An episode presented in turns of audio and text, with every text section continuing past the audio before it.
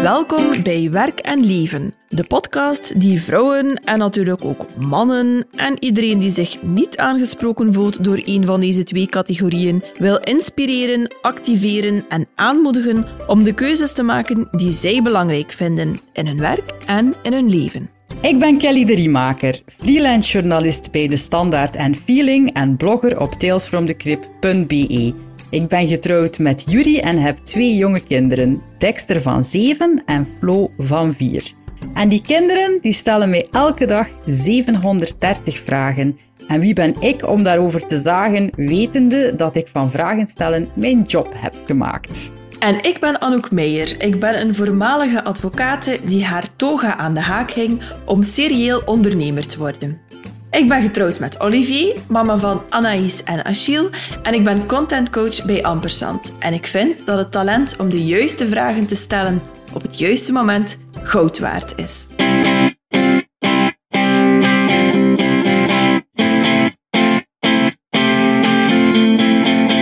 Hallo en welkom in al onze vijfde aflevering van het vierde seizoen ondertussen van Werk en Leven.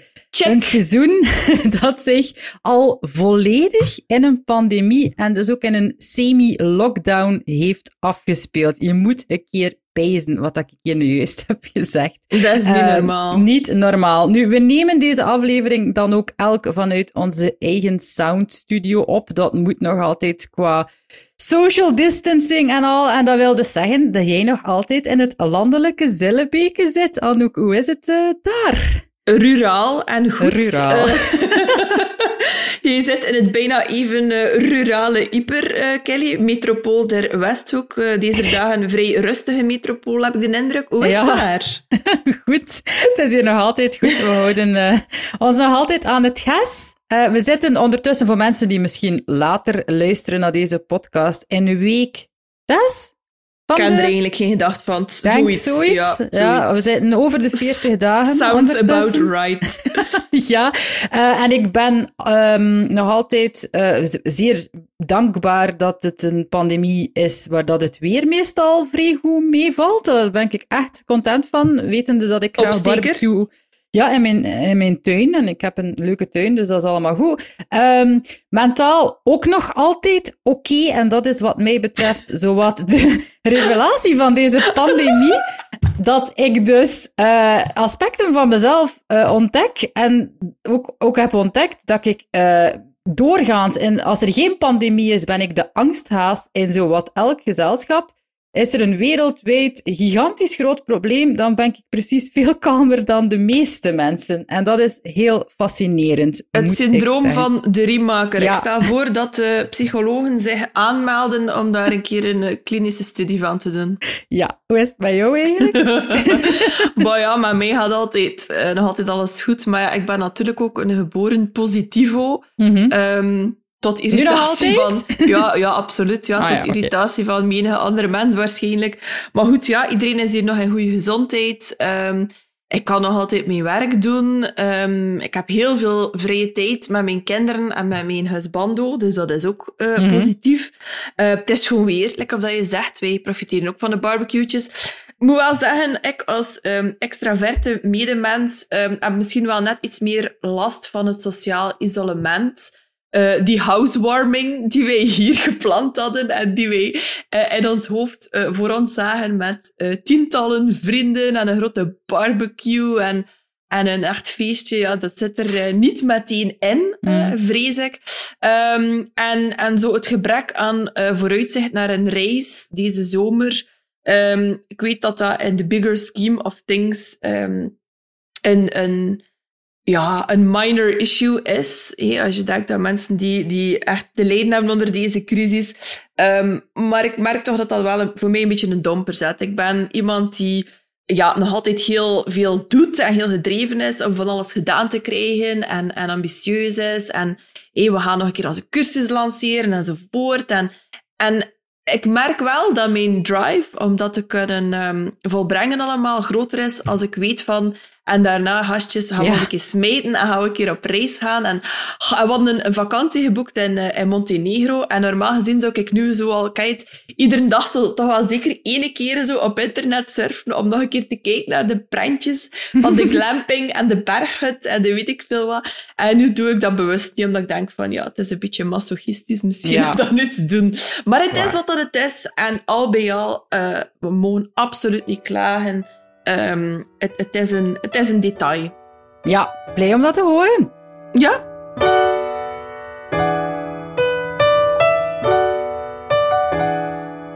Dan is het tijd voor enkele reacties van onze lieve luisteraars. Want hasjes, we hebben de afgelopen weken een en ander binnengekregen in die mailbox van ons. Uh, zo was er deze ongelooflijk fijne shout-out van Melissa. Melissa schreef...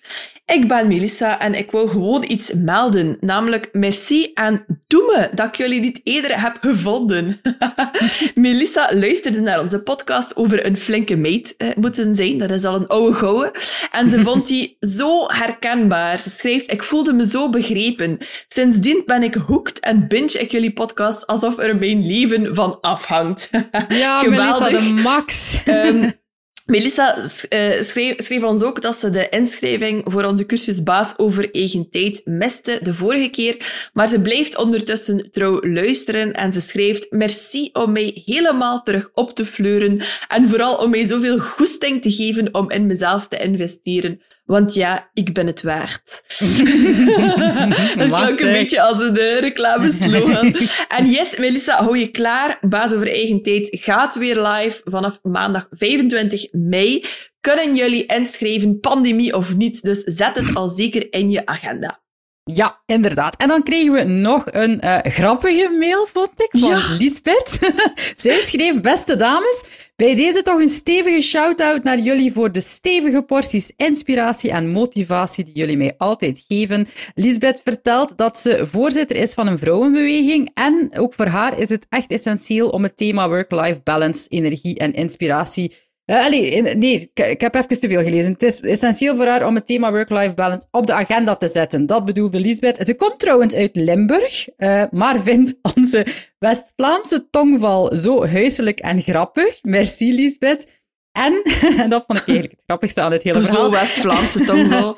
ja, enkele weken geleden wel een awkward momentje gehad, schrijft ze toen ik zo rond aflevering 25 besefte dat ik jullie in mijn hoofd verwisseld had. Heel vreemd, heel vreemd om na maanden lang te aanvaarden dat die blonde echt Anouk is en niet Kelly, zoals ik mij maandenlang verbeeld had. Heel even tijd nodig gehad, maar ik ben er over, zegt Lisbeth. Nu, uh, ik, ja, super. Je mag ons zeker verwisselen, Lisbeth, zolang je maar weet dat Anouk diegene is met de stevige West-Vlaamse tongval en ik Ah ja, ik ook. Uh, jammer.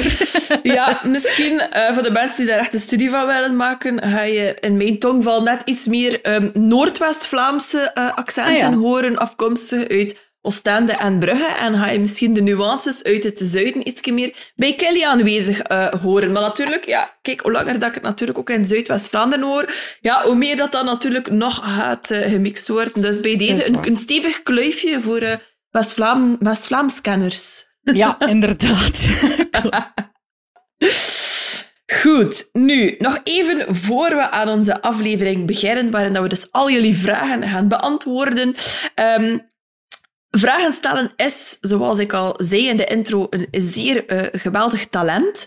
Um, en als je zelf ook met vragen aan de slag wil, dan hebben wij voor een superhandige gratis download gezorgd. Wat vind je daarin? Je vindt daarin 25 zogenaamde writing prompts, dus een soort vragen waarmee dat je zelf aan de slag kunt als je bijvoorbeeld je morning pages wilt schrijven. Die pagina's waarover we het hadden in onze aflevering 21 over ochtendroutines. Je moet het een beetje zien als kleine aanzetjes om je aan het denken te zetten over je werk en leven. En je vindt ze door te surfen naar werkenleven.org en dan naar aflevering 35 te surfen. Zeker doen, hasjes!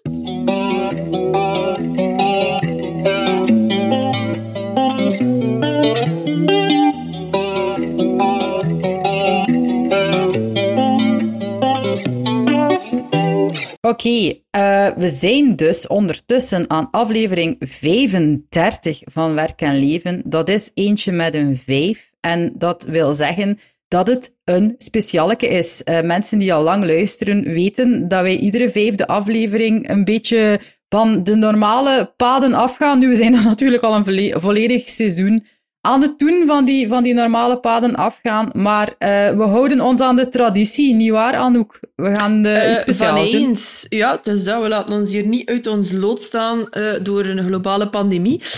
Nu, doordat dit weer zo'n speciale vijfde aflevering is, doen we ook geen staalnamen. Um, dat, uh, dat hoort er nu eenmaal niet bij in zo'n specialeke. Maar wat gaan we dan wel doen? We gaan het hebben over massa's boeiende onderwerpen. Ja, want we hebben een oproepje gedaan. Hè? Dat moeten we nog vertellen. Hè? We hebben vragen. Het is een Ask Us Anything aflevering, deze voilà, aflevering. We zijn dus eigenlijk... Uh, we hebben het eigenlijk een beetje aan jullie overgelaten. Uh, zeer slim gezien van ons, natuurlijk. en we hebben dus op onze socials en onze nieuwsbrief uh, gevraagd van hasjes, hebben jullie prangende vragen voor ons? Laat ze vooral een keer uh, weten. Mm -hmm. En uh, jullie hebben daar massaal op gereageerd, wat we natuurlijk zeer fijn vinden. Um, en wij hebben uit al die vragen er een elftal, als ik het goed heb, ja. van de beste vragen geselecteerd. Wanhoop niet als jouw vraag deze keer niet beantwoord wordt. We houden dat zeer zorgvuldig uh, bij. Maar er komt van alles interessant uh, op jullie af. Voor ieder uh, wat wils, spekje naar ieders bekje, want we hebben het over onderwerpen als introvert en extravert zijn, intermittent fasting en het imposter syndroom. Ja, het thema is precies wel dingen met een i, Kelly. Ja, de i van razend interessant, zou ik zelfs durven zeggen. Dus zeker blijven luisteren, gastjes.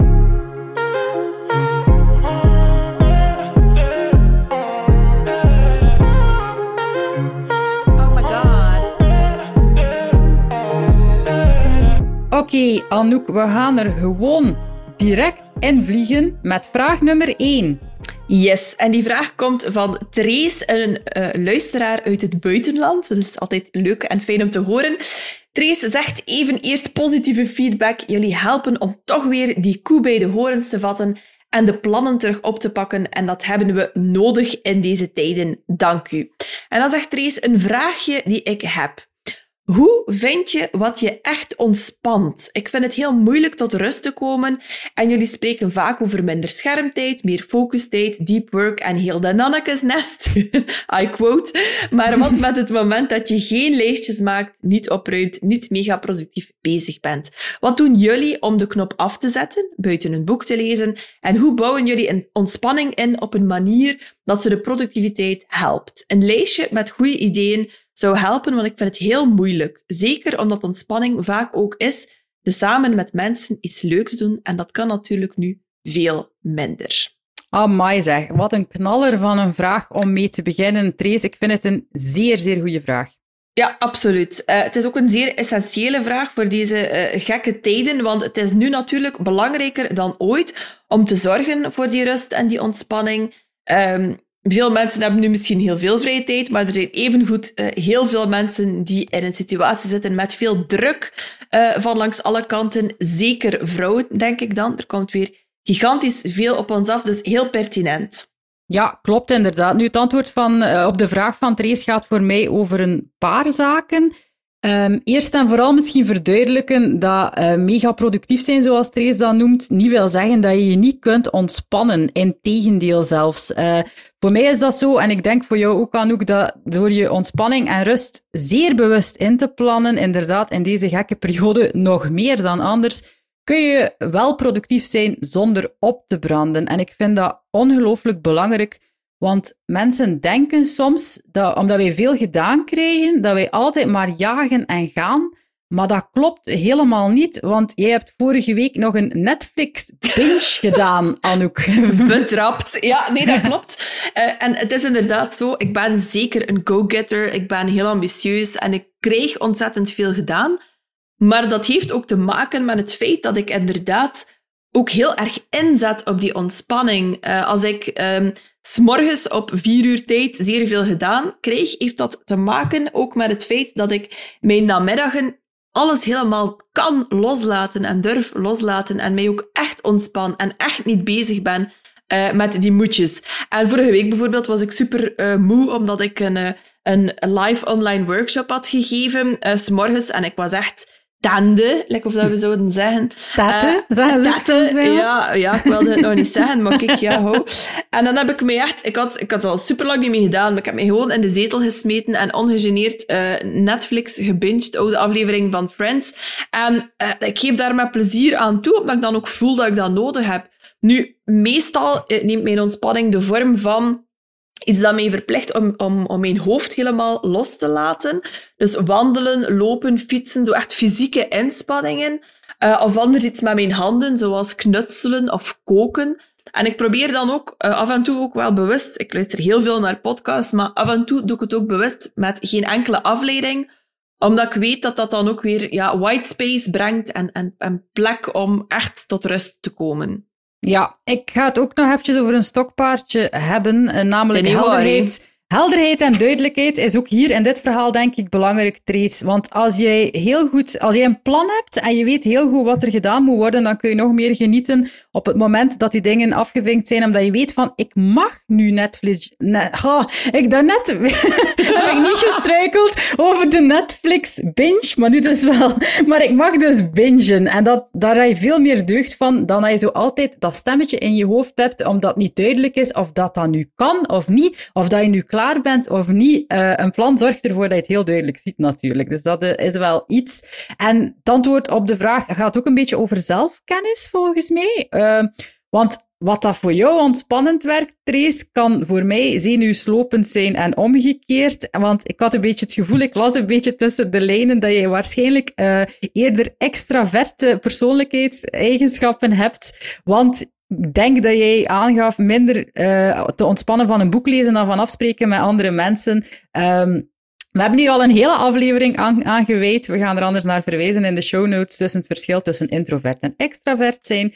Uh, maar ik, ik denk dat het belangrijk is om voor jezelf een keer op papier te zetten waar jij blij van wordt en een keer te kijken naar de afgelopen maanden, wat je allemaal hebt gedaan, uh, dat jou blij heeft gemaakt. En een keer je de vraag te stellen van hoe kan ik dat nu vertalen naar deze gekke pandemie? Uh, misschien heb jij daar wel tips voor als extravert, Anouk. Uh, oplossingen voor extraverten die snakken naar gesprekken met echte mensen misschien.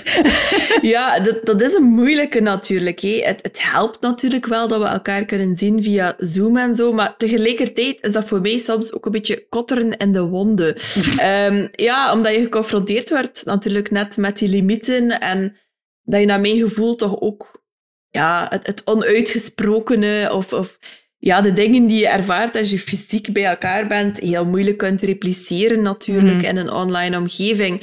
Tegelijkertijd um, ja, zijn er wel dingen die je, kunt, die, die je wel nog kunt doen. Ik heb me bijvoorbeeld voorgenomen om een paar oldschool brieven te sturen deze oh, week. ik heb dat ook al gedacht. Ik heb al veel kaartjes gestuurd ook. Ah, dat is wel iets, ja. Um, maar daar echt nog een keer mijn werk van te maken. en zoals vroeger. En ik hoop natuurlijk ook brieven eruit te krijgen dan. En, Sta ik um, op uw lijstje, Anouk? Dan mag ik het nog niet weten. Als het niet zo is, doe het dan. Ik ga daar nu niks over zeggen. Ik, Kelly, oh, ja, je, je weet dat dan nu... Ja, de verwachtingen um, zijn hoog gespannen. Ja, wat dat ermee ook helpt, is uh, te beseffen dat het alleen maar ons lichaam is dat in lockdown zit en niet ons brein. Mm En dus uh, hou ik mij nu ook al volop bezig met wat ik na de quarantaine wil inplannen met wie. En op een manier gaat dat superveel bewuster zijn en uh, intentioneler. En ja, ik ben zo iemand uh, wiens voorjaar eigenlijk al in januari tot op de laatste vrijdagavond in juni al helemaal ingepland is. Dat is nu niet zo. Ik ga daar denk ik nu ook veel intentioneler, veel bewuster. Ik zeg in mijn privéleven heel vaak ja op alles. Hmm. Um, en ik denk dat dat nu ook wel allee, um, een beetje gaat veranderen. En je kunt daar alvast over nadenken en plannen maken, want in je hoofd ben je natuurlijk zo vrij als een vogel. Oh, wat zo mooi, Anouk, zo mooi. Ja, ik vind dat wel. Nu, er kwamen nog heel wat vragen binnen over dat verschil tussen introvert en extravert zijn. En ik snap dat, want voor heel wat mensen bleek deze podcast vooral aantrekkelijk omdat er toevallig een extravert achter de micro zit en een gigantische introvert. En dat is dan de deze, niet de, blonde. Nee, voilà.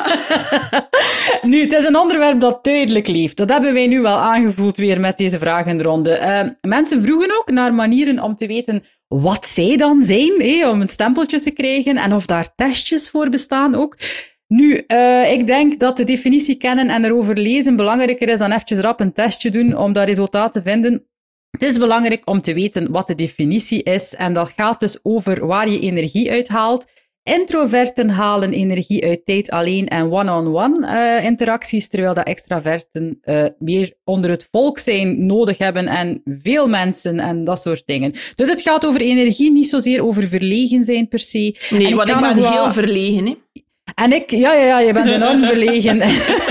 en ik ook uh, soms. Dat heeft, heeft er dus niet echt mee nee, te maken. Inderdaad. Maar we gaan in de show notes op werkenleven.org, onze gloednieuwe site, die je zeker eens moet bezoeken, gaan we nog extra links en zo en artikels zetten, zodanig dat je een keer die puzzel kunt leggen voor jezelf. En dat is zeer, zeer, zeer verhelderend.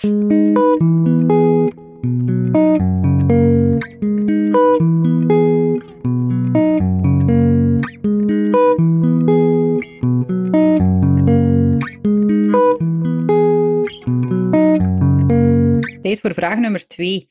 Het is er eentje van Ode. Uh, zij vraagt: Hoe nemen jullie belangrijke beslissingen? Alle elementen, pro's en contra's, zorgvuldig en lang afwegen of buikgevoel laten spreken?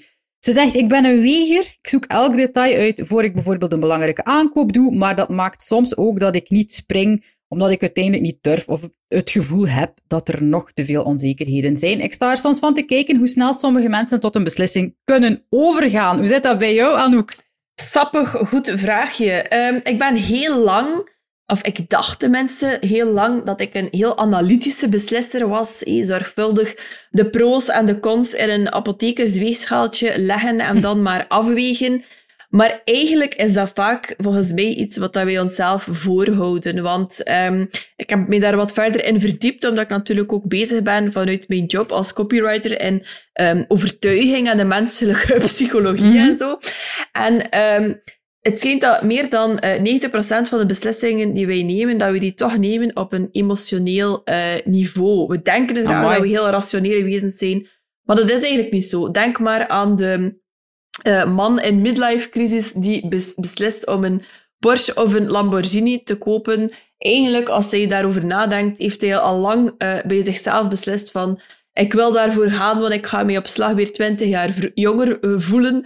Uh, en is het niet zozeer een kwestie van uh, dat is een goede auto van Duitse makelij, die toevallig zeer snel van 0 naar 100 km per uur optrekt, mm. om maar iets ja. te zeggen. Ja, ja. Um, en ik ben daar nu, doordat ik dat ook bestudeerd heb, veel meer mee in het trainen voor mezelf. En ik nam recent zelfs een achteraf bekeken belangrijke beslissing, puur op basis van intuïtie, buikgevoel, whatever you want to call it ik kon zelfs niet benoemen waarom dat ik die beslissing had genomen. En dat bleek achteraf letterlijk een lifesaver te zijn. Hmm, en dus ik, ik, denk dat ik mij dat wat meer ga toelaten, gewoon, omdat het nu eenmaal ah, toch al zo is. En jij, Kelly?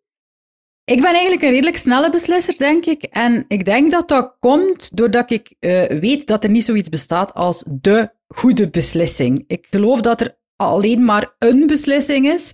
Um, en wat ik wel denk, is dat beslissen een superkracht is, maar dat je het wel juist moet hebben in je hoofd. Je kiest iets en dan ga je ervoor. Werkt het niet, dan kies je nog een keer opnieuw. Uh, maar als je jezelf inderdaad vastrijdt, Ode, in dat perfect willen doen, dan um, vertraagt dat heel wat dingen enorm en het kan je ook verschrikkelijk in de weg zitten. Dus ik denk wel dat het kan lonen om jezelf wat te trainen, misschien door te beginnen met wat kleinere beslissingen snel te maken en voor jezelf te zien dat het misschien vooral een constructie in je eigen hoofd was en dat de gevolgen ervan ook niet zo groot of verlammend uh, zijn als je denkt. Um, maar ik denk dat uh, durven beslissen veel belangrijker is dan misschien de verkeerde beslissing uh, nemen, in elk geval. En er is zo'n concept in de wereld van de mindfulness, waar ik nogal van hou, en dat heet weten dat je niet weet. Ik weet niet of je dat kent, Anouk, dat concept. Nee, ik weet dat niet, maar ik weet wel dat je gaat uitleggen. Ja, ik ga het inderdaad uitleggen. Uh, het is eigenlijk een verhaal, er hoort een verhaal bij dat soms op verschillende manieren wordt verteld. Ik ga het eventjes kort proberen te schetsen. Dat verhaal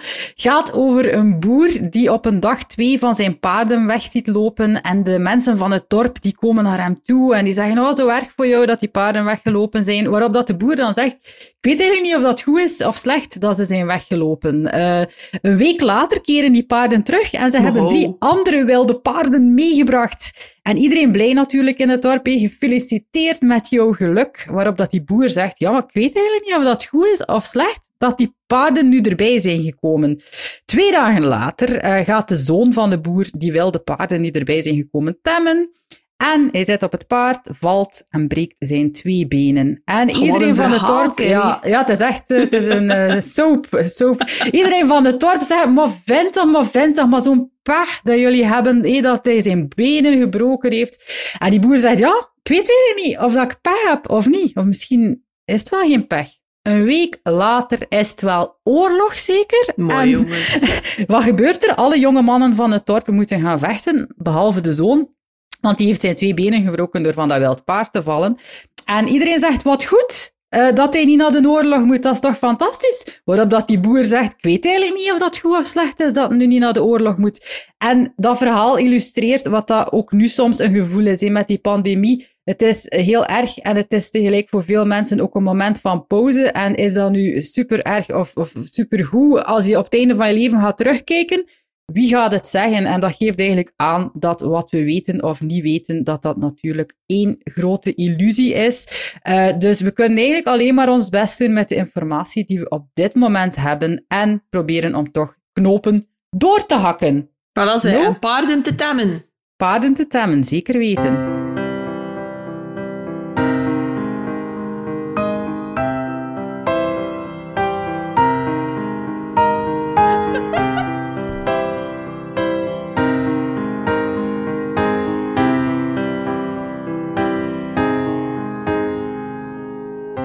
Tijd voor vraag 3 en dat is er eentje van Nikki. Ja, ik lees hem even voor. Uh, Nikki zegt, ik sukkel sinds een tweetal jaar met de work-life balance die jullie beschrijven. Jullie lijken me twee vrouwen die toch wel wat hebben meegemaakt en nu stevig in jullie schoenen staan en weten wat dat jullie willen. Zij wil dat ook bereiken, zegt Nikki, maar om dat te bereiken wil ze ook graag wat zoeken naar hoe ze in een burn-out beland is. En ze, vroeg, ze vraagt zich af Um, of dat wij uh, onze burn-out, want wij hebben daar natuurlijk al over gesproken in vorige aflevering, of wij die zagen aankomen, of dat die er plots was, en hoe wij de periode die we thuis zaten beleefd hebben. Um, en hoe, wat dat we gedaan hebben om eruit te geraken ook. Uh, Anouk, wil jij daar uh, iets over vertellen? Mobayaki, um, ik, ik herinner mij goed van die periode dat dat op, op, op dat moment voor mij als iets heel ja, heel plots kwam. Hè. Het zat er natuurlijk al lang aan te komen. Ik had een chronisch slaaptekort. Um, Achille die werd in zijn eerste levensjaar like, 30 keer per nacht wakker. uh, dus dat was niet zo handig. Um, maar ik had ook een job waarin dat ik heel veel moest geven en waarin dat ik eigenlijk amper iets terugkreeg in termen van energie of erkenning of, of wat dan ook. Dus het was een beetje een chroniek van een aangekondigde burn-out, maar omdat ik daar zelf zodanig in zat, besefte ik dat totaal niet. Dus ik ben dan redelijk hard en acuut compleet gecrashed. En ik heb de tijd die, ik dan thuis was, vooral gebruikt om fysiek uit te rusten, om, om terug op mijn positieven te komen. En um, ik heb toen ook in die periode vrij snel beslist van, ik, ik keer daar niet meer naar terug, uh, naar die job. Uh, ik, ik ga de dingen helemaal anders aanpakken. En dan heb ik eigenlijk op een paar weken tijd beslist om um, als zelfstandige uh, te beslissen. Dus bij mij is dat eigenlijk redelijk hard en snel gegaan. Het was zo niet... Je hebt mensen die bijvoorbeeld, ik zeg maar iets, een, jaar thuis zitten met, met een burn-out of, of zo. Bij mij was het eerder een, een, een hevige, maar korte uh, en zeker transformerende uh, periode. Nu, mocht ik dat nu meemaken, dan denk ik dat ik veel sneller zou een coach uh, onder de arm nemen om, om een een klankbord te hebben, iemand die net iets minder dicht bij je staat uh, dan bijvoorbeeld je, je partner of je familie, mm. um, die allemaal goede intenties hebben, maar die misschien um, ja, wat die professionele background missen om dan op dat moment ook de juiste vragen te kunnen stellen. Dus dat zou ik zeker anders doen. Um, maar ik kende dat op, dat op dat moment nog niet zo, die, die coachingwereld. Dus dat kwam toen niet bij mij op. Ik weet niet hoe dat, dat bij jou was, uh, Kelly herkenbaar eigenlijk. Maar ik was dan ook behoorlijk jong toen dat ik mijn eerste burn-out heb gekregen. Alleen mijn eerste burn-out, ik denk dat ik er eigenlijk maar één echte heb gehad. En dat was rond mijn 24 Ja, uh, maar dat had te maken met echt een queenio kakjob waarin dat ik gerold was vanuit allerhande... Bestond dat toen al, een burn-out, als we ja, 24 waren? Zo oud ben ik nu ook weer niet. nee. maar ja, dat is 14 jaar geleden, voor de, voor de duidelijkheid. En uh, ik, ik had door, um, allee, het is een groeiproces, alles. En ik heb een hele lange weg al afgelegd de afgelopen 14 jaar. En ergens ben ik wel dankbaar dat mijn burn-out zo snel is gekomen, omdat dat wel het een en het ander in gang heeft gestoken. Maar het is wel herkenbaar. Ik heb toen ook geen therapie gevolgd. Op dat moment was dat weet niet, dat was zelfs geen optie voor mij. Ik, ik, was ook niet bezig met coaching, met mentale ontwikkeling. Dat was zo, ik ben naar de huisdokter geweest omdat ik niet kon stoppen met wenen op een ochtend. En die heeft me ja. kalmerende druppeltjes voorgeschreven. Oh ik heb dan twee weken zitten wenen in de zetel en dan ben ik precies weer beginnen werken. Maar het heeft zowel heel wat denkprocessen in gang gezet en uh, ik heb dan nog een keer een moeilijke periode gehad toen dat mijn baby, mijn eerste kindje geboren was, Dexter, en dat dat een huilbaby was. En toen ben ik wel in therapie beland. Maar ik heb zo het gevoel dat dat een lange weg is geweest van verschillende processen die voor heel wat groei en mindsetverandering heeft gezorgd. En die burn-out heeft dat voor mij absoluut in gang gestoken. Ik heb toen gevoeld van, dit kan zo niet langer.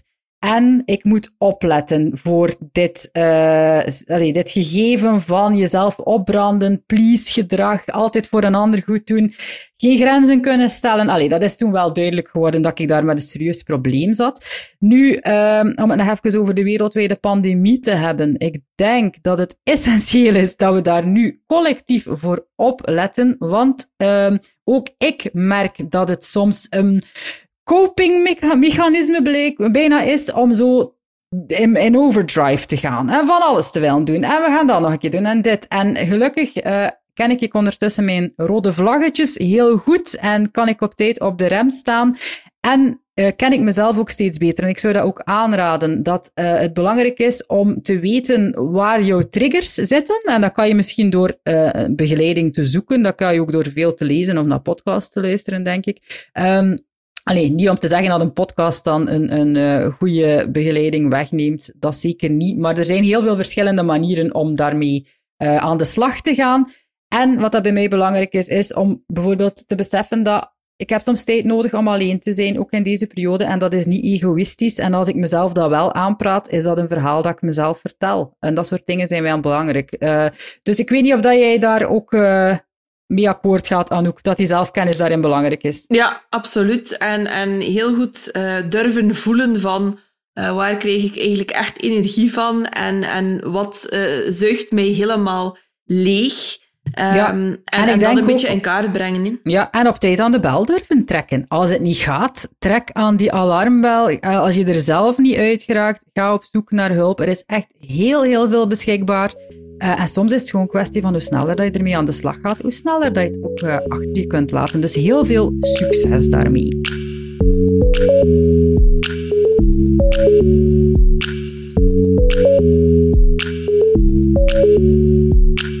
Vraag 4 alweer. En het is er eentje van Annelies. Annelies vraagt...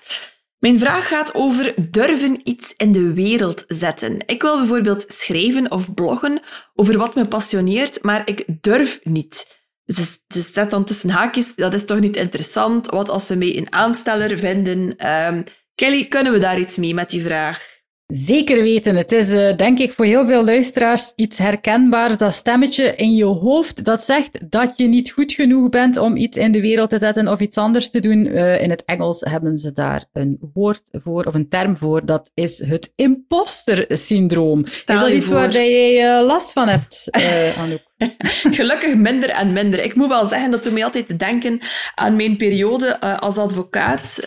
Is bij uitstek natuurlijk, de advocatuur is een enorme haantjeswereld uh, of context. En ik weet dat ik in het begin enorm onder de indruk was um, van hoe um, ja, uh, belezen en geleerd en, en indrukwekkend eh, dat die kennis van al mijn collega's precies was. En, en die waren precies altijd zo supervol zelfvertrouwen. En, en, en ik heb dan, door natuurlijk langer in die wereld uh, te zitten, beseft dat het eigenlijk meestal ging over mensen die gewoon feller hun bek durfden opentrekken en um, die gewoon, ja, ik kan niet zeggen een, een showtje opvoerden of zo, maar um, ja, ik heb gewoon beseft dat dat ook iets is dat je kunt, dat, je kunt doorprikken en dat gewoon heel veel te maken heeft met um, hoe breng ik mijn boodschap en hoe, um, ja, niet, niet wakker liggen van wat dat andere mensen um, daarvan denken.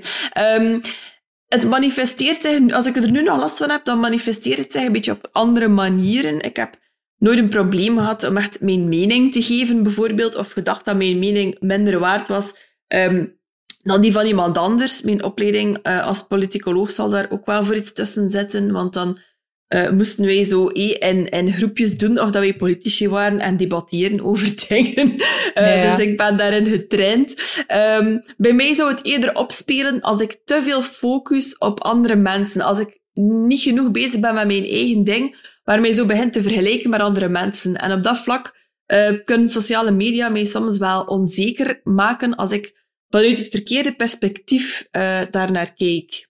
If ja, that ja, makes sense. Ja, dat maakt sens. Ja, ik, uh, ik snap dat. Ik, ik zou willen zeggen tegen Annelies dat dat uh, heel normaal is dat ze dat voelt, maar dat dat ook een, een leerproces is. Bij mij is al heel lang bezig. Ik was vroeger ook heel erg bezig met wat de andere mensen vonden van wat dat ik deed. En zeker niemand tegen de haren strijken. En als er dan een keer iemand een negatieve reactie postte, dan uh, was heel mijn dag om zeep. En dat blijft soms ook wel nog een keer in periodes dat ik zo wat meer vermoeid ben. Of, of, of ja, er zijn zo van die momenten dat allemaal wat harder binnenkomt. Dat zou ik dan nog altijd wel durven uh, hebben. Maar um, ik heb al heel veel uh, werk gedaan op vlak van mindset en hoe dat ik naar dingen kijk. En uh, ik kan heel snel zo gedachten en stemmetjes in mijn hoofd zo herkaderen en zo mij afvragen van klopt dat eigenlijk wel? Is dit, is dit waar wat, dat ik, wat dat, dat stemmetje in mijn hoofd uh, zegt? En dat heeft natuurlijk te maken, ik zei het daarnet al, met therapie volgen, met veel lezen, met gecoacht worden en naar podcasts te luisteren. Dus ik zou dat uh, durven aanraden aan Annelies van ga ik aan de slag. Stel je de vraag waarom dat je onzeker wordt van reacties van andere mensen.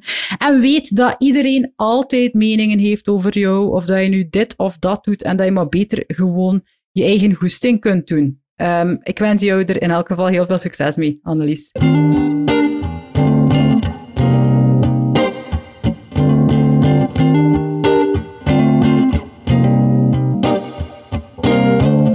Ondertussen zijn we al aan vraag 5 gekomen. Dat is eentje van Muriel. Zij schrijft: Ik heb de afleveringen gevolgd over het opstarten van een planning, bullet journal, themadagen. Allemaal heel interessant, zegt ze. En ik droom er ook van om ermee aan de slag te gaan. Alleen komt Muriel er niet toe. Uh, ze zegt, elke dag opnieuw blus ik brandjes van ochtends tot avonds. En dan denk ik altijd, oké, straks ga ik mijn planning maken voor de dag en de week. Uh, maar dan is ze zo uitgeblust dat er niet meer van komt. En haar hoofd niet meer helder genoeg is om zo'n deftige planning op papier te krijgen.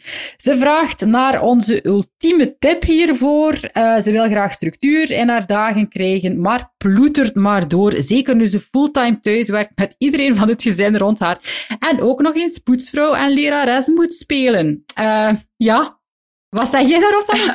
ik, eh, ik denk dat uh, Muriel hardop gezegd heeft, of allee, in een e-mail geschreven heeft, wat dat heel veel mensen op dit moment ja. uh, mee worstelen. Ik denk dat het gewoon ontzettend herkenbaar is. Het, um, uh, geen, het doorploeteren en, en uh, brandjes blussen, als dat anders al het geval is, dan is dat in deze tijden, denk ik, nog meer acuut zo. Nu, Alles eerste, wordt zo wat uitgegroot, ja, precies? Absoluut, ja? absoluut. Als je altijd al moeite had met structuur in de zaken te krijgen, dan is dit volgens mij allee, nog, nog een grotere uitdaging.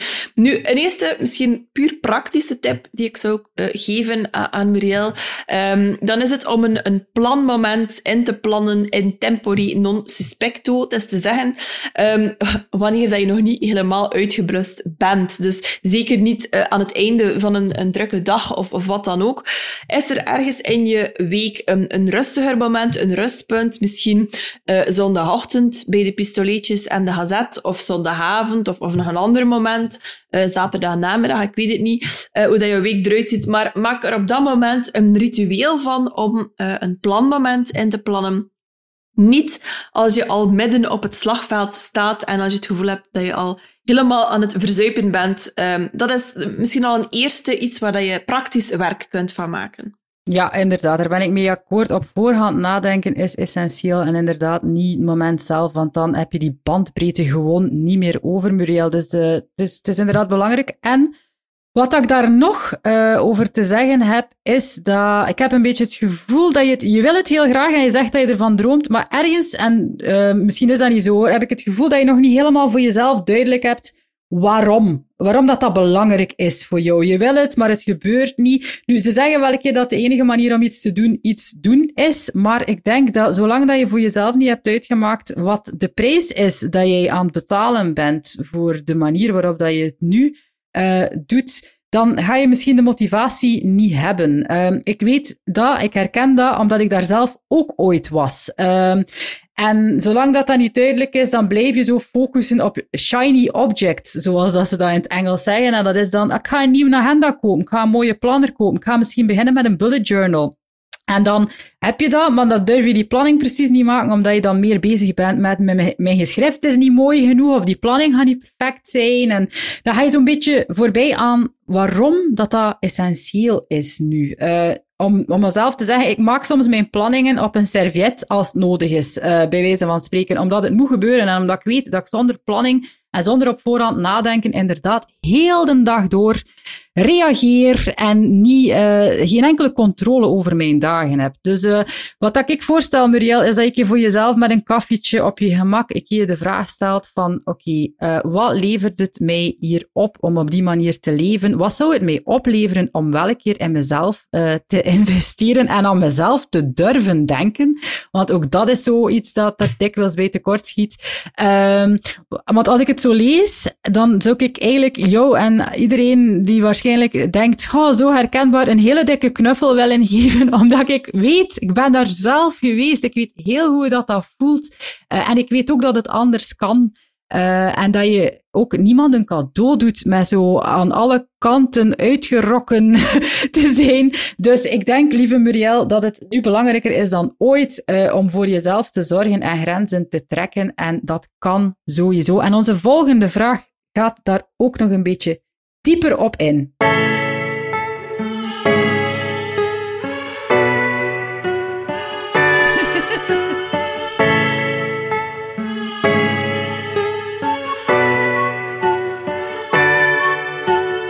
Vraag nummer 6 alweer is er eentje van Evi. Evi vraagt: Komt er nog een baas over eigen tijd? Tromgeroffel. Ja, Evi, die vraag krijgen wij echt nog veel, veel meer dan anders. dat heeft natuurlijk met deze gekke tijden te maken waarin dat iedereen plots thuiswerker geworden is en zijn eigen organisatie en planning moet opstellen. Dus we snappen dat en we hebben mm goed nieuws. Baas over eigen tijd gaat nog een keer open. Je kunt een online cursus uh, aankopen. En dat is vanaf maandag 25 mei. Dus niet meer zo super lang. Oh my god. We kijken ja. daar uh, alle twee ongelooflijk naar uit. En zo te horen, eh, inderdaad, nog heel veel van jullie ook. Nu, we horen langs alle kanten heel veel over het nieuwe normaal en hoe dat er gaat uitzien. En ik denk inderdaad dat het belangrijker is dan ooit om te zorgen dat je zelf zoveel mogelijk controle hebt over hoe jouw nieuwe normaal er dan wel gaat uitzien, als je wil voorkomen om opnieuw meegezogen te worden in de waan van de dag.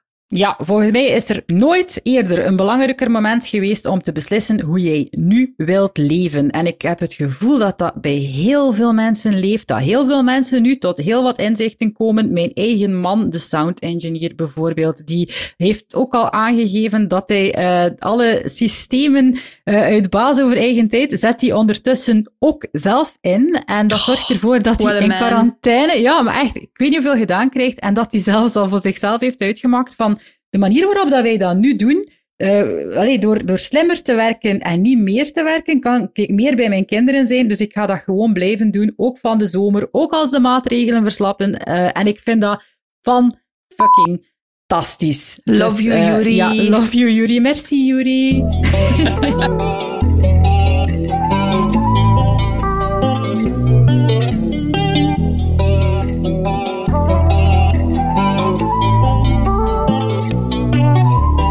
De volgende vraag is er eentje van een cursist baas over eigen tijd, die heel enthousiaste dingen over de cursus uh, schreef. Uh, maar ze stelde ook een vraag. En dat is, uh, ze heeft last van s'nachts wakker worden. Dat schrijft Katrien. de molen begint te draaien, ik begin te piekeren en ik ben mij wel bewust van het feit dat ik aan het piekeren ben, zegt ze, maar het stoppen. Ze kan het niet stoppen eigenlijk. Daarover gaat het. En dan ligt ze uren wakker en raakt ze niet uitgerust de volgende, tegen de volgende dag, waardoor dat ze natuurlijk minder productief is. Uh, ze zegt overdag lukt het me wel om dit in een braindump neer te schrijven. Een braindump, dat is eigenlijk gewoon al je gedachten even in een bullet journal of op papier. Maar s'nachts, zegt ze, is dat moeilijker. Of zie ik dat verkeerd? Dat is de vraag. Um, ja, goh, Pas op, ik denk dat een, een braindump s'nachts, dat dat kan. Als, als, je, als je weet dat dat een techniek is die jou al hmm. geholpen heeft, why not try it, denk ik dan. Nu, sowieso vind ik dat s'nachts alles er altijd veel slechter uitziet. Ik ben uh, van nature geen chronische piekeraar, maar als ik ergens mee zit en ik lig ervan wakker, dan ben ik vertrokken voor een paar uur. En dan denk ik vaak s morgens van, maar alleen meer, eh, het valt toch gelijk allemaal nog wel mee. Waarvoor heb je nu eigenlijk wakker gelegen? Nu, ik heb het dan eh, aan het begin van deze, uh, ik ging zeggen episode, maar ik bedoel dus de, de pandemische episode, een paar keer uh, gehad. Um, mij helpt het om te zorgen dat ik um, een soort uh, goede slaaphygiëne heb, if you see what I mean. Mm. Dus um, ik steek uh, een beetje ritueel in mijn avonden, net als ik dat in mijn ochtenden steek. Ik ga meestal op hetzelfde moment gaan slapen en ik sta ook iedere dag op hetzelfde moment op. Ik zorg dat ik fysiek ook echt uh, moe ben. Als ik merk dat ik s'avonds eigenlijk nog niet echt moe ben, dan probeer ik nog een wandelingetje te doen of iets dergelijks. Um, ik kijk s'avonds niet naar dingen die mij op een negatieve manier uh, kunnen prikkelen um, of die mij opjagen. En um, als ik in een periode zit waarin dat ik echt wil zorgen dat ik goed slaap, dan probeer ik ook echt weg te blijven van uh, zware maaltijden s'avonds of alcohol, want dat heeft ook een een, een slechte impact op uh, de kwaliteit van mijn, van mijn slaap. Het klinkt bijzonder saai. Als ik dat zo hoor, is het precies nee, alsof ik een soort senior, senior citizen ben of zo. ja. Like Edith, die iedere avond uh, te tien in haar beddetje kruipt. ja, het maar het helpt wel. Ja, het is dat. maar hij bent, Kelly, hij is wel meer een chronische piekeraar uh, van nature, hè? Dat kun je wel stellen, inderdaad. Ik heb een chronische angststoornis en dat hangt natuurlijk samen met piekeren. Dat is nu eenmaal zo. Ik ben altijd al een angstig uh, mens geweest. Ik was als, als kind lag ik al wakker van de gedachte dat mijn mama en mijn papa ooit gingen doodgaan. En dan lag ik daar ook hele nachten oh, van wakker. Ja, ja zo'n kind was ik. Ik heb ook zo'n kinderen gemaakt, zo blijkt. maar dat is een ander verhaal. maar het goede nieuws is... Allee, dat is geen slecht nieuws van die kinderen. Maar het goede nieuws is dat het eigenlijk veel en veel uh, verminderd is, mijn piekergedrag. Uh, Aha. Dat heeft Hoe te maken... heb je dat aan boord gelegd? Ja, ja, ik heb het al gezegd, die therapie heeft natuurlijk geholpen en, en mindsetwerk en zo, dus, dus dat. Uh, maar wat dat voor mij een heel belangrijk besef was, en kijk, hoeveel minuten zitten we in de podcast? Ik weet het niet, maar het is de eerste keer nee, dat de naam Brooke Castillo valt. Dat uh, ja, dat is de dame van de Life Coach School en zij heeft mij eigenlijk geleerd dat het allerergste dat mij kan overkomen een gedachte is. Nu, als je de filosofieën van Brooke Castillo nog niet kent, kan ik me voorstellen dat je dat een beetje wishy-washy vindt, misschien. Um, maar het is iets dat mij helpt. Het is een gedachte die mij helpt. En soms heb je gedachten nodig om jouw piekergedrag wat te counteren. En, en dat, een soort mantra eigenlijk. Um, omdat je kunt daar heel snel in doorslaan. Dat piekeren dat geeft zo een vals gevoel van dingen onder controle houden, terwijl dat, dat eigenlijk nergens op slaat. Het is niet omdat je ergens over piekert dat dat ook maar iets gaat veranderen aan die situatie. Um, en eigenlijk doe je wat je niet wilt door te piekeren. Door bang te zijn om ongelukkig te worden in de toekomst, verknal je eigenlijk het huidige moment waarin dat er vaak geen enkel probleem is. En ook dat besef is belangrijk, denk ik. Je moet het zo'n beetje tegen het licht houden, dat piekeren.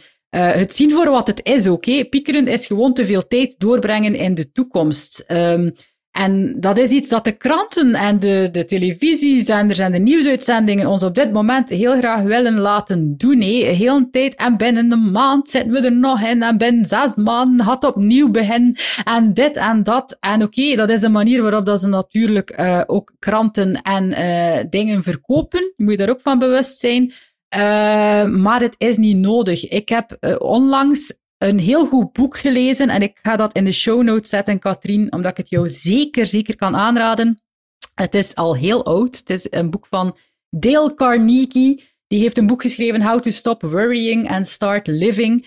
En uh, wat dat daarin staat van citaat, vind ik, zouden heel veel mensen op dit moment boven hun bed moeten hangen. En het is, er is geen betere manier om ongelukkig te zijn dan de moeilijkheden van morgen vandaag al te willen oplossen. En ik geloof dat keihard. Ik geloof ook in die mantra's, hè? zinnetjes om het te doen stoppen. Uh, vandaag is vandaag. Nu ben ik veilig. Vandaag kan ik aan. Uh, alles om gewoon even in je hoofd die negatieve spiraal te stoppen en te zeggen: nee. Ik zeg soms letterlijk tegen mezelf: stop, dit gaan we niet doen. En dan is het gedaan.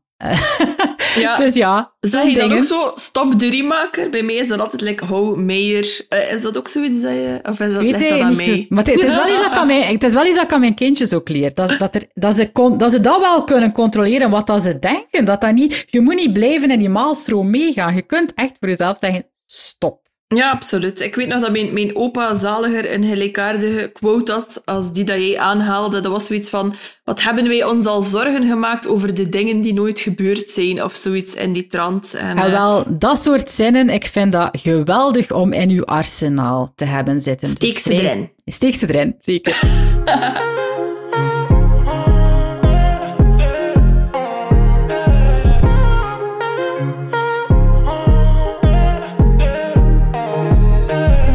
nummer 8 is er eentje voor jou, Kelly. Uh, het is een vraag van luisteraar Elke en zij wilt iets meer weten over het volgende. Als verzoekje wil ik graag wat meer te weten komen over het periodiek vasten. Kan Kelly haar know-how hierover delen? Wat zijn de voordelen voor je gezondheid en wat zijn de tips en tricks om het vol te houden? Kelly, doet daar een keer een boekje over open. Ja, het ding is natuurlijk, ik kan daar dus met gemak een boekje over schrijven. en encyclopedietje. Uh, ja, ik heb er zelfs al de vraag voor gekregen van uitgevers om daar een boek over te schrijven. Nu, ik ga dat niet doen. Dat is het nieuws al om, om mee te beginnen. Ik ben geen wetenschapper. Ik ben een ervaringsdeskundige. En ik doe dat inderdaad al een tijd en ik heb er al een paar keer over verteld in deze podcast. Ik ga nu ietsje langer erop ingaan. Maar ik ga jullie, de mensen die geïnteresseerd zijn, ga ik enkele uh, boeken en links en zo in de show notes geven, omdat ik denk, dit, allez, je, je kunt er heel veel over vertellen, maar als je er zelf mee aan de slag uh, wilt, vind ik het wel interessant dat je je wat inleest. Uh, zodanig dat je beseft dat het geen hype is die nergens op slaat, of dat het geen dieet is, of dat het... Allee, er zijn heel veel dingen dat je daarover kan denken, en ik kan dat hier nu niet counteren op drie minuten, bij wijze van spreken. Maar als je geïnteresseerd bent, dan ga ik jullie de volgende dingen zeggen. Intermittent fasting gaat meer over wanneer je eet dan over wat je eet. Alhoewel dat wat je eet natuurlijk ook belangrijk blijft. Het is een levenswijze, het is geen dieet. Uh, je kiest een bepaalde periode elke dag om uh, wel te eten. En dat impliceert dat je ook een bepaalde periode van 16 uur, 17 uur, 18 uur niet eet. Je kiest dat ook zelf. Je legt dat over je eigen leven en je doet ermee wat dat je wilt. En dat zorgt ervoor dat je je beter voelt, dat je gezonder bent en dat je ook afvalt. Ik ben ondertussen 10 kilo afgevallen en in tijden van pandemie vind ik dat je elk dieet serieus tegen het licht kunt houden. Want als het niet gaat tijdens een pandemie, is teken dat het ook niet duurzaam genoeg is voor in andere mindere periodes in je leven. Uh, en ik hou dit vol ben nog altijd elke dag aan het vasten. Ik denk niet dat ik naar buiten ga rollen binnen een paar weken of maanden. Ehm, en dat heb ik daaraan te danken. Dus, wil je er nog meer over lezen? Allee, het heeft te maken met insuline. Het heeft te maken met hormonen. Het is vrij interessant, maar te lang om uit te leggen. Maar lees het boek van Dr. Jason Fung. Dat heet The Obesity Code. Tik zijn naam een keer in op YouTube en kijk naar een paar talks. Ga ook eens op zoek. Uh, ik ga de link in de show notes zetten op werkenleven.org naar de podcast en de boeken van Jin Stevens. Die heeft heel uh, boeiende dingen daarover te vertellen. Um, en weet dat alles dat je nu misschien denkt uh, over uh, vasten, dat dat wilskracht impliceert, dat je hele dagen honger hebt, dat eigenlijk het tegenovergestelde waar is. Ik heb zelden nog honger. Soms heb ik dagen na elkaar uh, geen honger en dat heb ik nog nooit in mijn leven meegemaakt. Dus het is eigenlijk het gemakkelijkste dat ik in mijn leven al gedaan heb. Um, en als je, er, als je er meer over wil weten, ik ga misschien een keer op mijn blog iets doen op talesfromthecrip.be binnenkort. Ik ben het nog aan het bekijken. Maar ik heb er dus heel veel over te vertellen. En het belangrijkste is, het is de max. Het is, het is, het heerlijk. Het is een, fantastische manier van leven. Ik ben zo op mijn gemak. Ik uh, eet niet meer zo emotioneel als hiervoor, terwijl dat toch echt niet gemakkelijk is op dat vlak tijdens de pandemie. Dus ja, dat uh, heb ik daarover te vertellen. Is er nog iets, denk je, Anouk, dat daar belangrijk voor is? Of, of uh... Nee, ik denk inderdaad, als mensen zich erin willen verdiepen, dat het belangrijk is dat ze zich goed informeren als er met de juiste mindset ook aan beginnen. En uh, we gaan zeker, die bronnen die jij aanhaalde vermelden in de show notes voor de geïnteresseerden. Ja, check en dat out, zijn er wel wat. Ja. Zijn er wel wat, dat is waar. Zeker gaan lezen. Ja.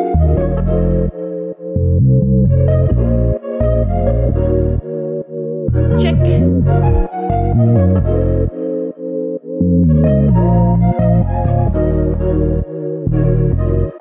Vraag nummer 9 ondertussen. En dat is eentje heel specifiek voor jou, Anouk. Uh, ah, ja. Het is een vraag van Doreen over... Uh, zij werkt in loondienst, maar de vrijheid die bij het ondernemerschap komt, uh, kijken longt, zegt ze. Maar ze weet nog niet of ze als ondernemer in dezelfde branche verder wil werken of iets anders wil gaan doen. Ehm, ze heeft het gevoel dat er nog heel veel te ontdekken valt in de wereld en ze wil daar toch wel mee aan de slag gaan. maar ze weet niet hoe waar te beginnen. Ehm, ze heeft daar niet voor gestudeerd om van carrière te switchen en Uh, en ze heeft er geen ervaring mee, maar wel veel goesting. En ze vraagt jou heel specifiek, Anouk, hoe dat jij jouw carrière-switch aangepakt hebt. Yes, goede vraag. Uh, nu, als Doreen zegt, ik heb er niet voor gestudeerd, ik heb er geen ervaring mee, ik heb gewoon veel goesting. Uh, Doreen, ik had ook helemaal niet gestudeerd om copywriter, content marketing coach en podcast host te worden. Dus je ziet, uh, dat is alvast geen obstakel. Um, zoals dat je misschien weet, ben ik mijn carrière ooit gestart aan de Balie van Brussel als advocaat. Dat was geheel aanstoemelings, want ik had eerst Paul Sok gedaan en daarna rechten. En ik had mijn carrière in de diplomatie um, ingebeeld. Maar dat is er door heel veel, vooral praktische uh, obstakels, eigenlijk nooit van gekomen. Maar bon, ik was dus de rechtenstudent en nog voordat ik goed en wel afgestudeerd uh, was, had ik een job aangeboden gekregen in de advocatuur uh, bij een groot, prestigieus internationaal uh, kantoor, waar toevallig ook Michelle en Barack Obama uh, elkaar ooit hadden leren kennen. Um, dus iedereen rondom mij vond dat een mega big deal dat ik daar kon beginnen. Ik vond dat ook. En op dat moment heb ik eigenlijk echt letterlijk amper stilgestaan bij de vraag van wil ik dat wel? Uh, hetgeen dat mij... Ja, dat lijkt super fundamenteel, maar ik ben daar echt uh, ingerold, ingebold. Het uh, was een beetje de periode ook van de financiële crisis. Dus als je dan de kans kreeg om zo'n job te doen, ja, dan was er echt wel niemand die ging zeggen van, allee, we gaan daar even voor uh, bedanken. Um, wat dat mij aantrok in die job was de internationale context, het feit dat ik superveel kon reizen, dat ik veel verantwoordelijkheid kreeg, dat ik um, ja, zelf uh, veel ownership had in projecten. Maar eigenlijk, achteraf bekeken, ja, is dat natuurlijk niet voldoende. Mag je echt wel kritischer zijn voor het werk dat je doet. En toen dat ik bevallen was van mijn eerste uh, kind, van Anaïs, was het al snel heel duidelijk van... dit is een job die zeer moeilijk te combineren valt met een, een gezin. En ik hou eigenlijk niet genoeg van deze job om al die opofferingen te maken. Want dat, dat ging wel de implicatie zijn.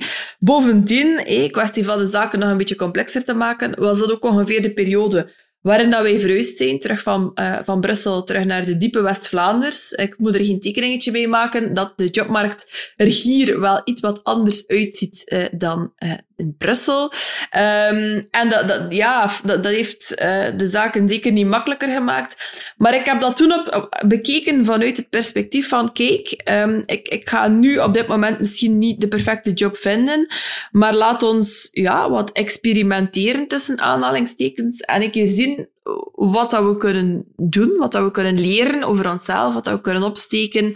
En ik ben toen ook zo een beetje eh, gerold eh, tijdens een van die tussentijdse jobs, laat het ons zo noemen, uh, in de communicatie en de marketing. En ik werd daardoor getriggerd. En van het ene is dan het andere um, gekomen.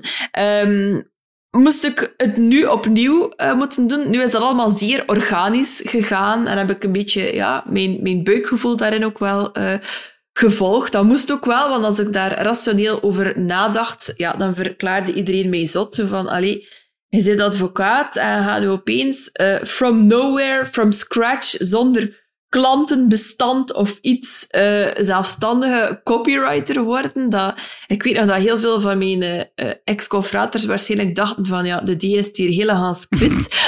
ze ziet ze vliegen of zo. Um, als ik dat nu opnieuw zou doen, zou ik dat veel, um, zou ik mij daarin laten begeleiden. Ondertussen heb ik uh, kennis kunnen maken met uh, dingen als loopbaan, uh, begeleiding en jobdesign. Um, ik heb een, een goede business bestie, Katrien van Ullebus, die een methodiek ontwikkeld heeft over hoe dat je eigenlijk met design thinking je ideale job kunt ontwerpen. Dus als ik dat nu opnieuw zou doen, dan zou ik daar zeker veel meer op inzetten. Nu is dat in, in brokken en beetjes gebeurd over de jaren heen. En um, wat ik daar ook zeker nog over wil zeggen is, dat is een, een, een never-ending story. Dat is een, een ongoing proces. En dat dat bij jou ook zo is, Kelly. Mm-hmm. Dat door de jaren heen, dat je je job altijd blijft aanpassen, altijd blijft sleutelen daaraan, altijd dingen blijft veranderen om dit toch beter te doen passen bij jezelf. Je, je evolueert zelf natuurlijk ook als persoon, je interesses, je karakter, je persoonlijkheid, je omstandigheden en Um, en dan is het belangrijk om ook regelmatig die oefening te maken van oké, okay, hoe kan ik nu opnieuw um, dingen gaan veranderen en eraan sleutelen. Ja, dat, ik denk dat dat ook samenhangt met onze mindset van allebei, van eeuwig blijven leren. Wij zijn constant uh, dingen aan het volgen, cursussen. Uh, we maken er, maar we volgen er ook veel. Uh, en ik denk dat dat daarmee samenhangt. In elk geval, Anouk, merci. Een heel helder antwoord, denk ik. Alsjeblieft.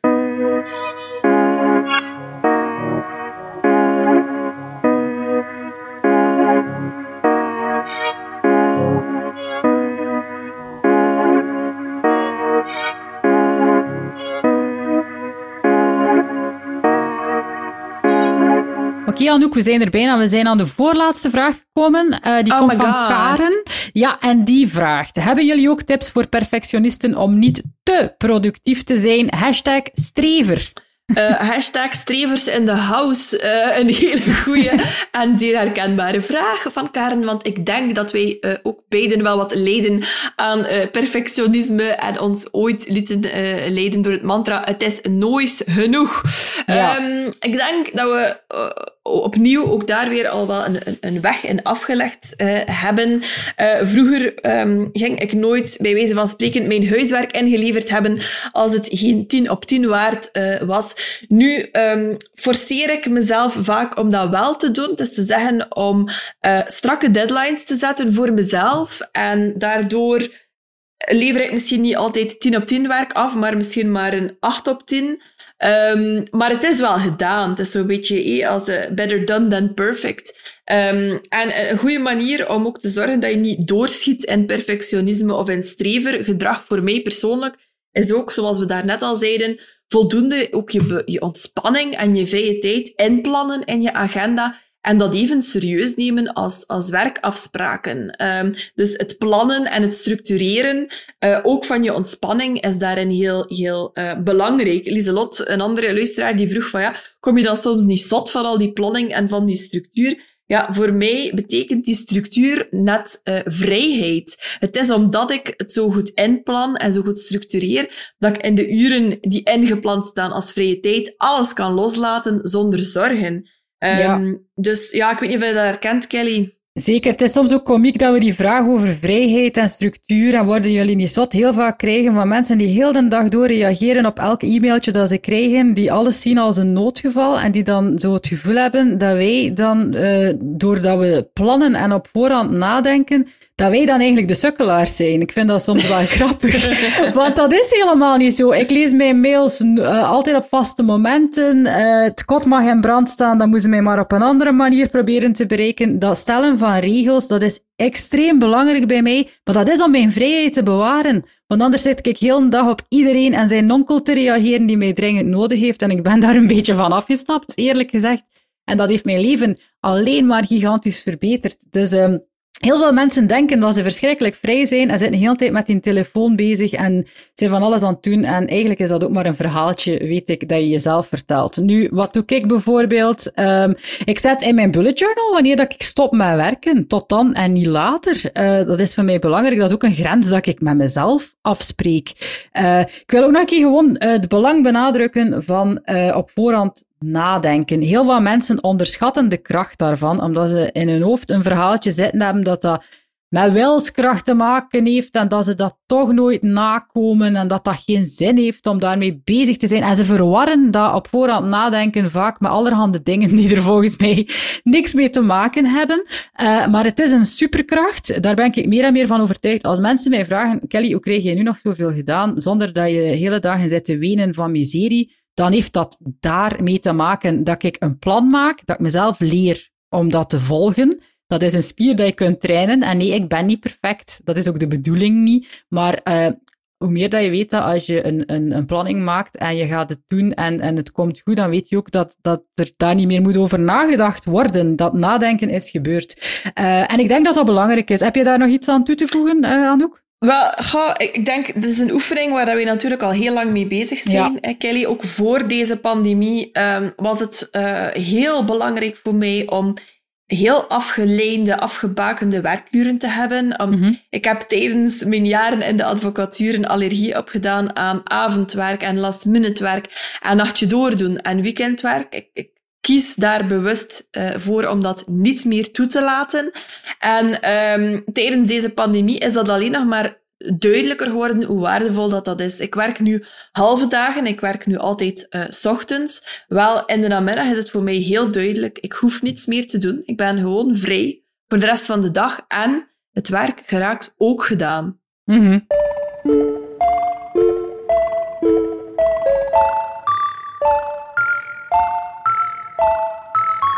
We zijn ondertussen aan het einde van een behoorlijk goed gevulde aflevering gekomen. Uh, merci uh, dat je erbij was. We hopen dat je er iets aan hebt gehad. Uh, vergeet zeker ook die gratis download niet die bij deze aflevering zit, waarmee dat je jezelf ook een keer wat vraagjes kunt stellen. En uh, het zijn een soort schrijfopdrachten. Dat is misschien een beetje een groot woord. Het zijn eigenlijk gewoon dingen die voor jou het makkelijk maken om een keer een, een paar uh, goede vragen te stellen over hoe dat je verder wil, wat dat je wilt doen uh, de komende weken en maanden. Dus ga zeker naar werkenleven.org naar aflevering 35. Scroll eventjes naar beneden door de show notes en dan kun je dat gewoon gratis downloaden. En geniet van de ervaring om op onze volledig opgefriste, restylede, gedesignde, supermooie, al zeggen we het zelf, website te surfen. En hasjes uh, voor de planners en de mensen uh, met een agenda, of misschien zelfs nog meer voor de mensen erzonder. schrijf, schrijf alvast die datum van 25 mei in jullie agenda. Dan gaan de deuren van Baas over eigen tijd nog eens open. Dan kan je je opnieuw inschrijven. Zoals je weet uh, is dat maar uh, één of maximum twee keer per jaar. Dus als je er al een tijdje op verlekkerd bent om eindelijk uh, je, je, je timing en je, je leven onder controle te krijgen, uh, vergeet dan zeker niet om je op de wachtlijst te zetten. En dan krijg je van ons een mailtje als de deuren open zijn. En dan kan je als eerste inschrijven. Voilà. Ja, die wachtlijst die vind je ook gewoon door naar werkenleven.org te surfen. En bovenaan staat daar onze cursus uh, in het tabblad. En dan kun je dat daar allemaal doen. In elk geval, hou je goed. Blijf nog even in je kot als het nodig is. We weten niet wanneer dat je luistert, maar indien uh, dat we nog altijd in de maatregelen zitten, dan heftjes volhouden. Blijf gezond. Tanden, voilà. Blijf gezond, doet dat daar goed. We zijn heel blij dat we deze aflevering toch konden maken door de wonderen der technologie. Uh, wat kunnen we nog zeggen? Schrijf je zeker ook in op onze wekelijkse nieuwsbrief. Die is de max heeft op het moment dan ook. Dat is wel vrij we tof. Proberen daar wekelijks uh, een klein juweeltje van te maken door allerlei ja. leuke en interessante links en tips en tricks en al dat je wilt. Dus uh, ik zou zeggen, schrijf je daarvoor in. En voor de rest zou ik zeggen, laat de zon in je hart. Uh, geniet van het leven. Um, zoiets. Ik denk dat dat uh, redelijk de dingen samenvat. Hè. Ja, en we gingen niet te lang afronden, dus we gaan ja. nu gewoon stoppen. Merci om erbij te zijn. Heel graag tot de volgende aflevering. Dada! Dada, hartjes!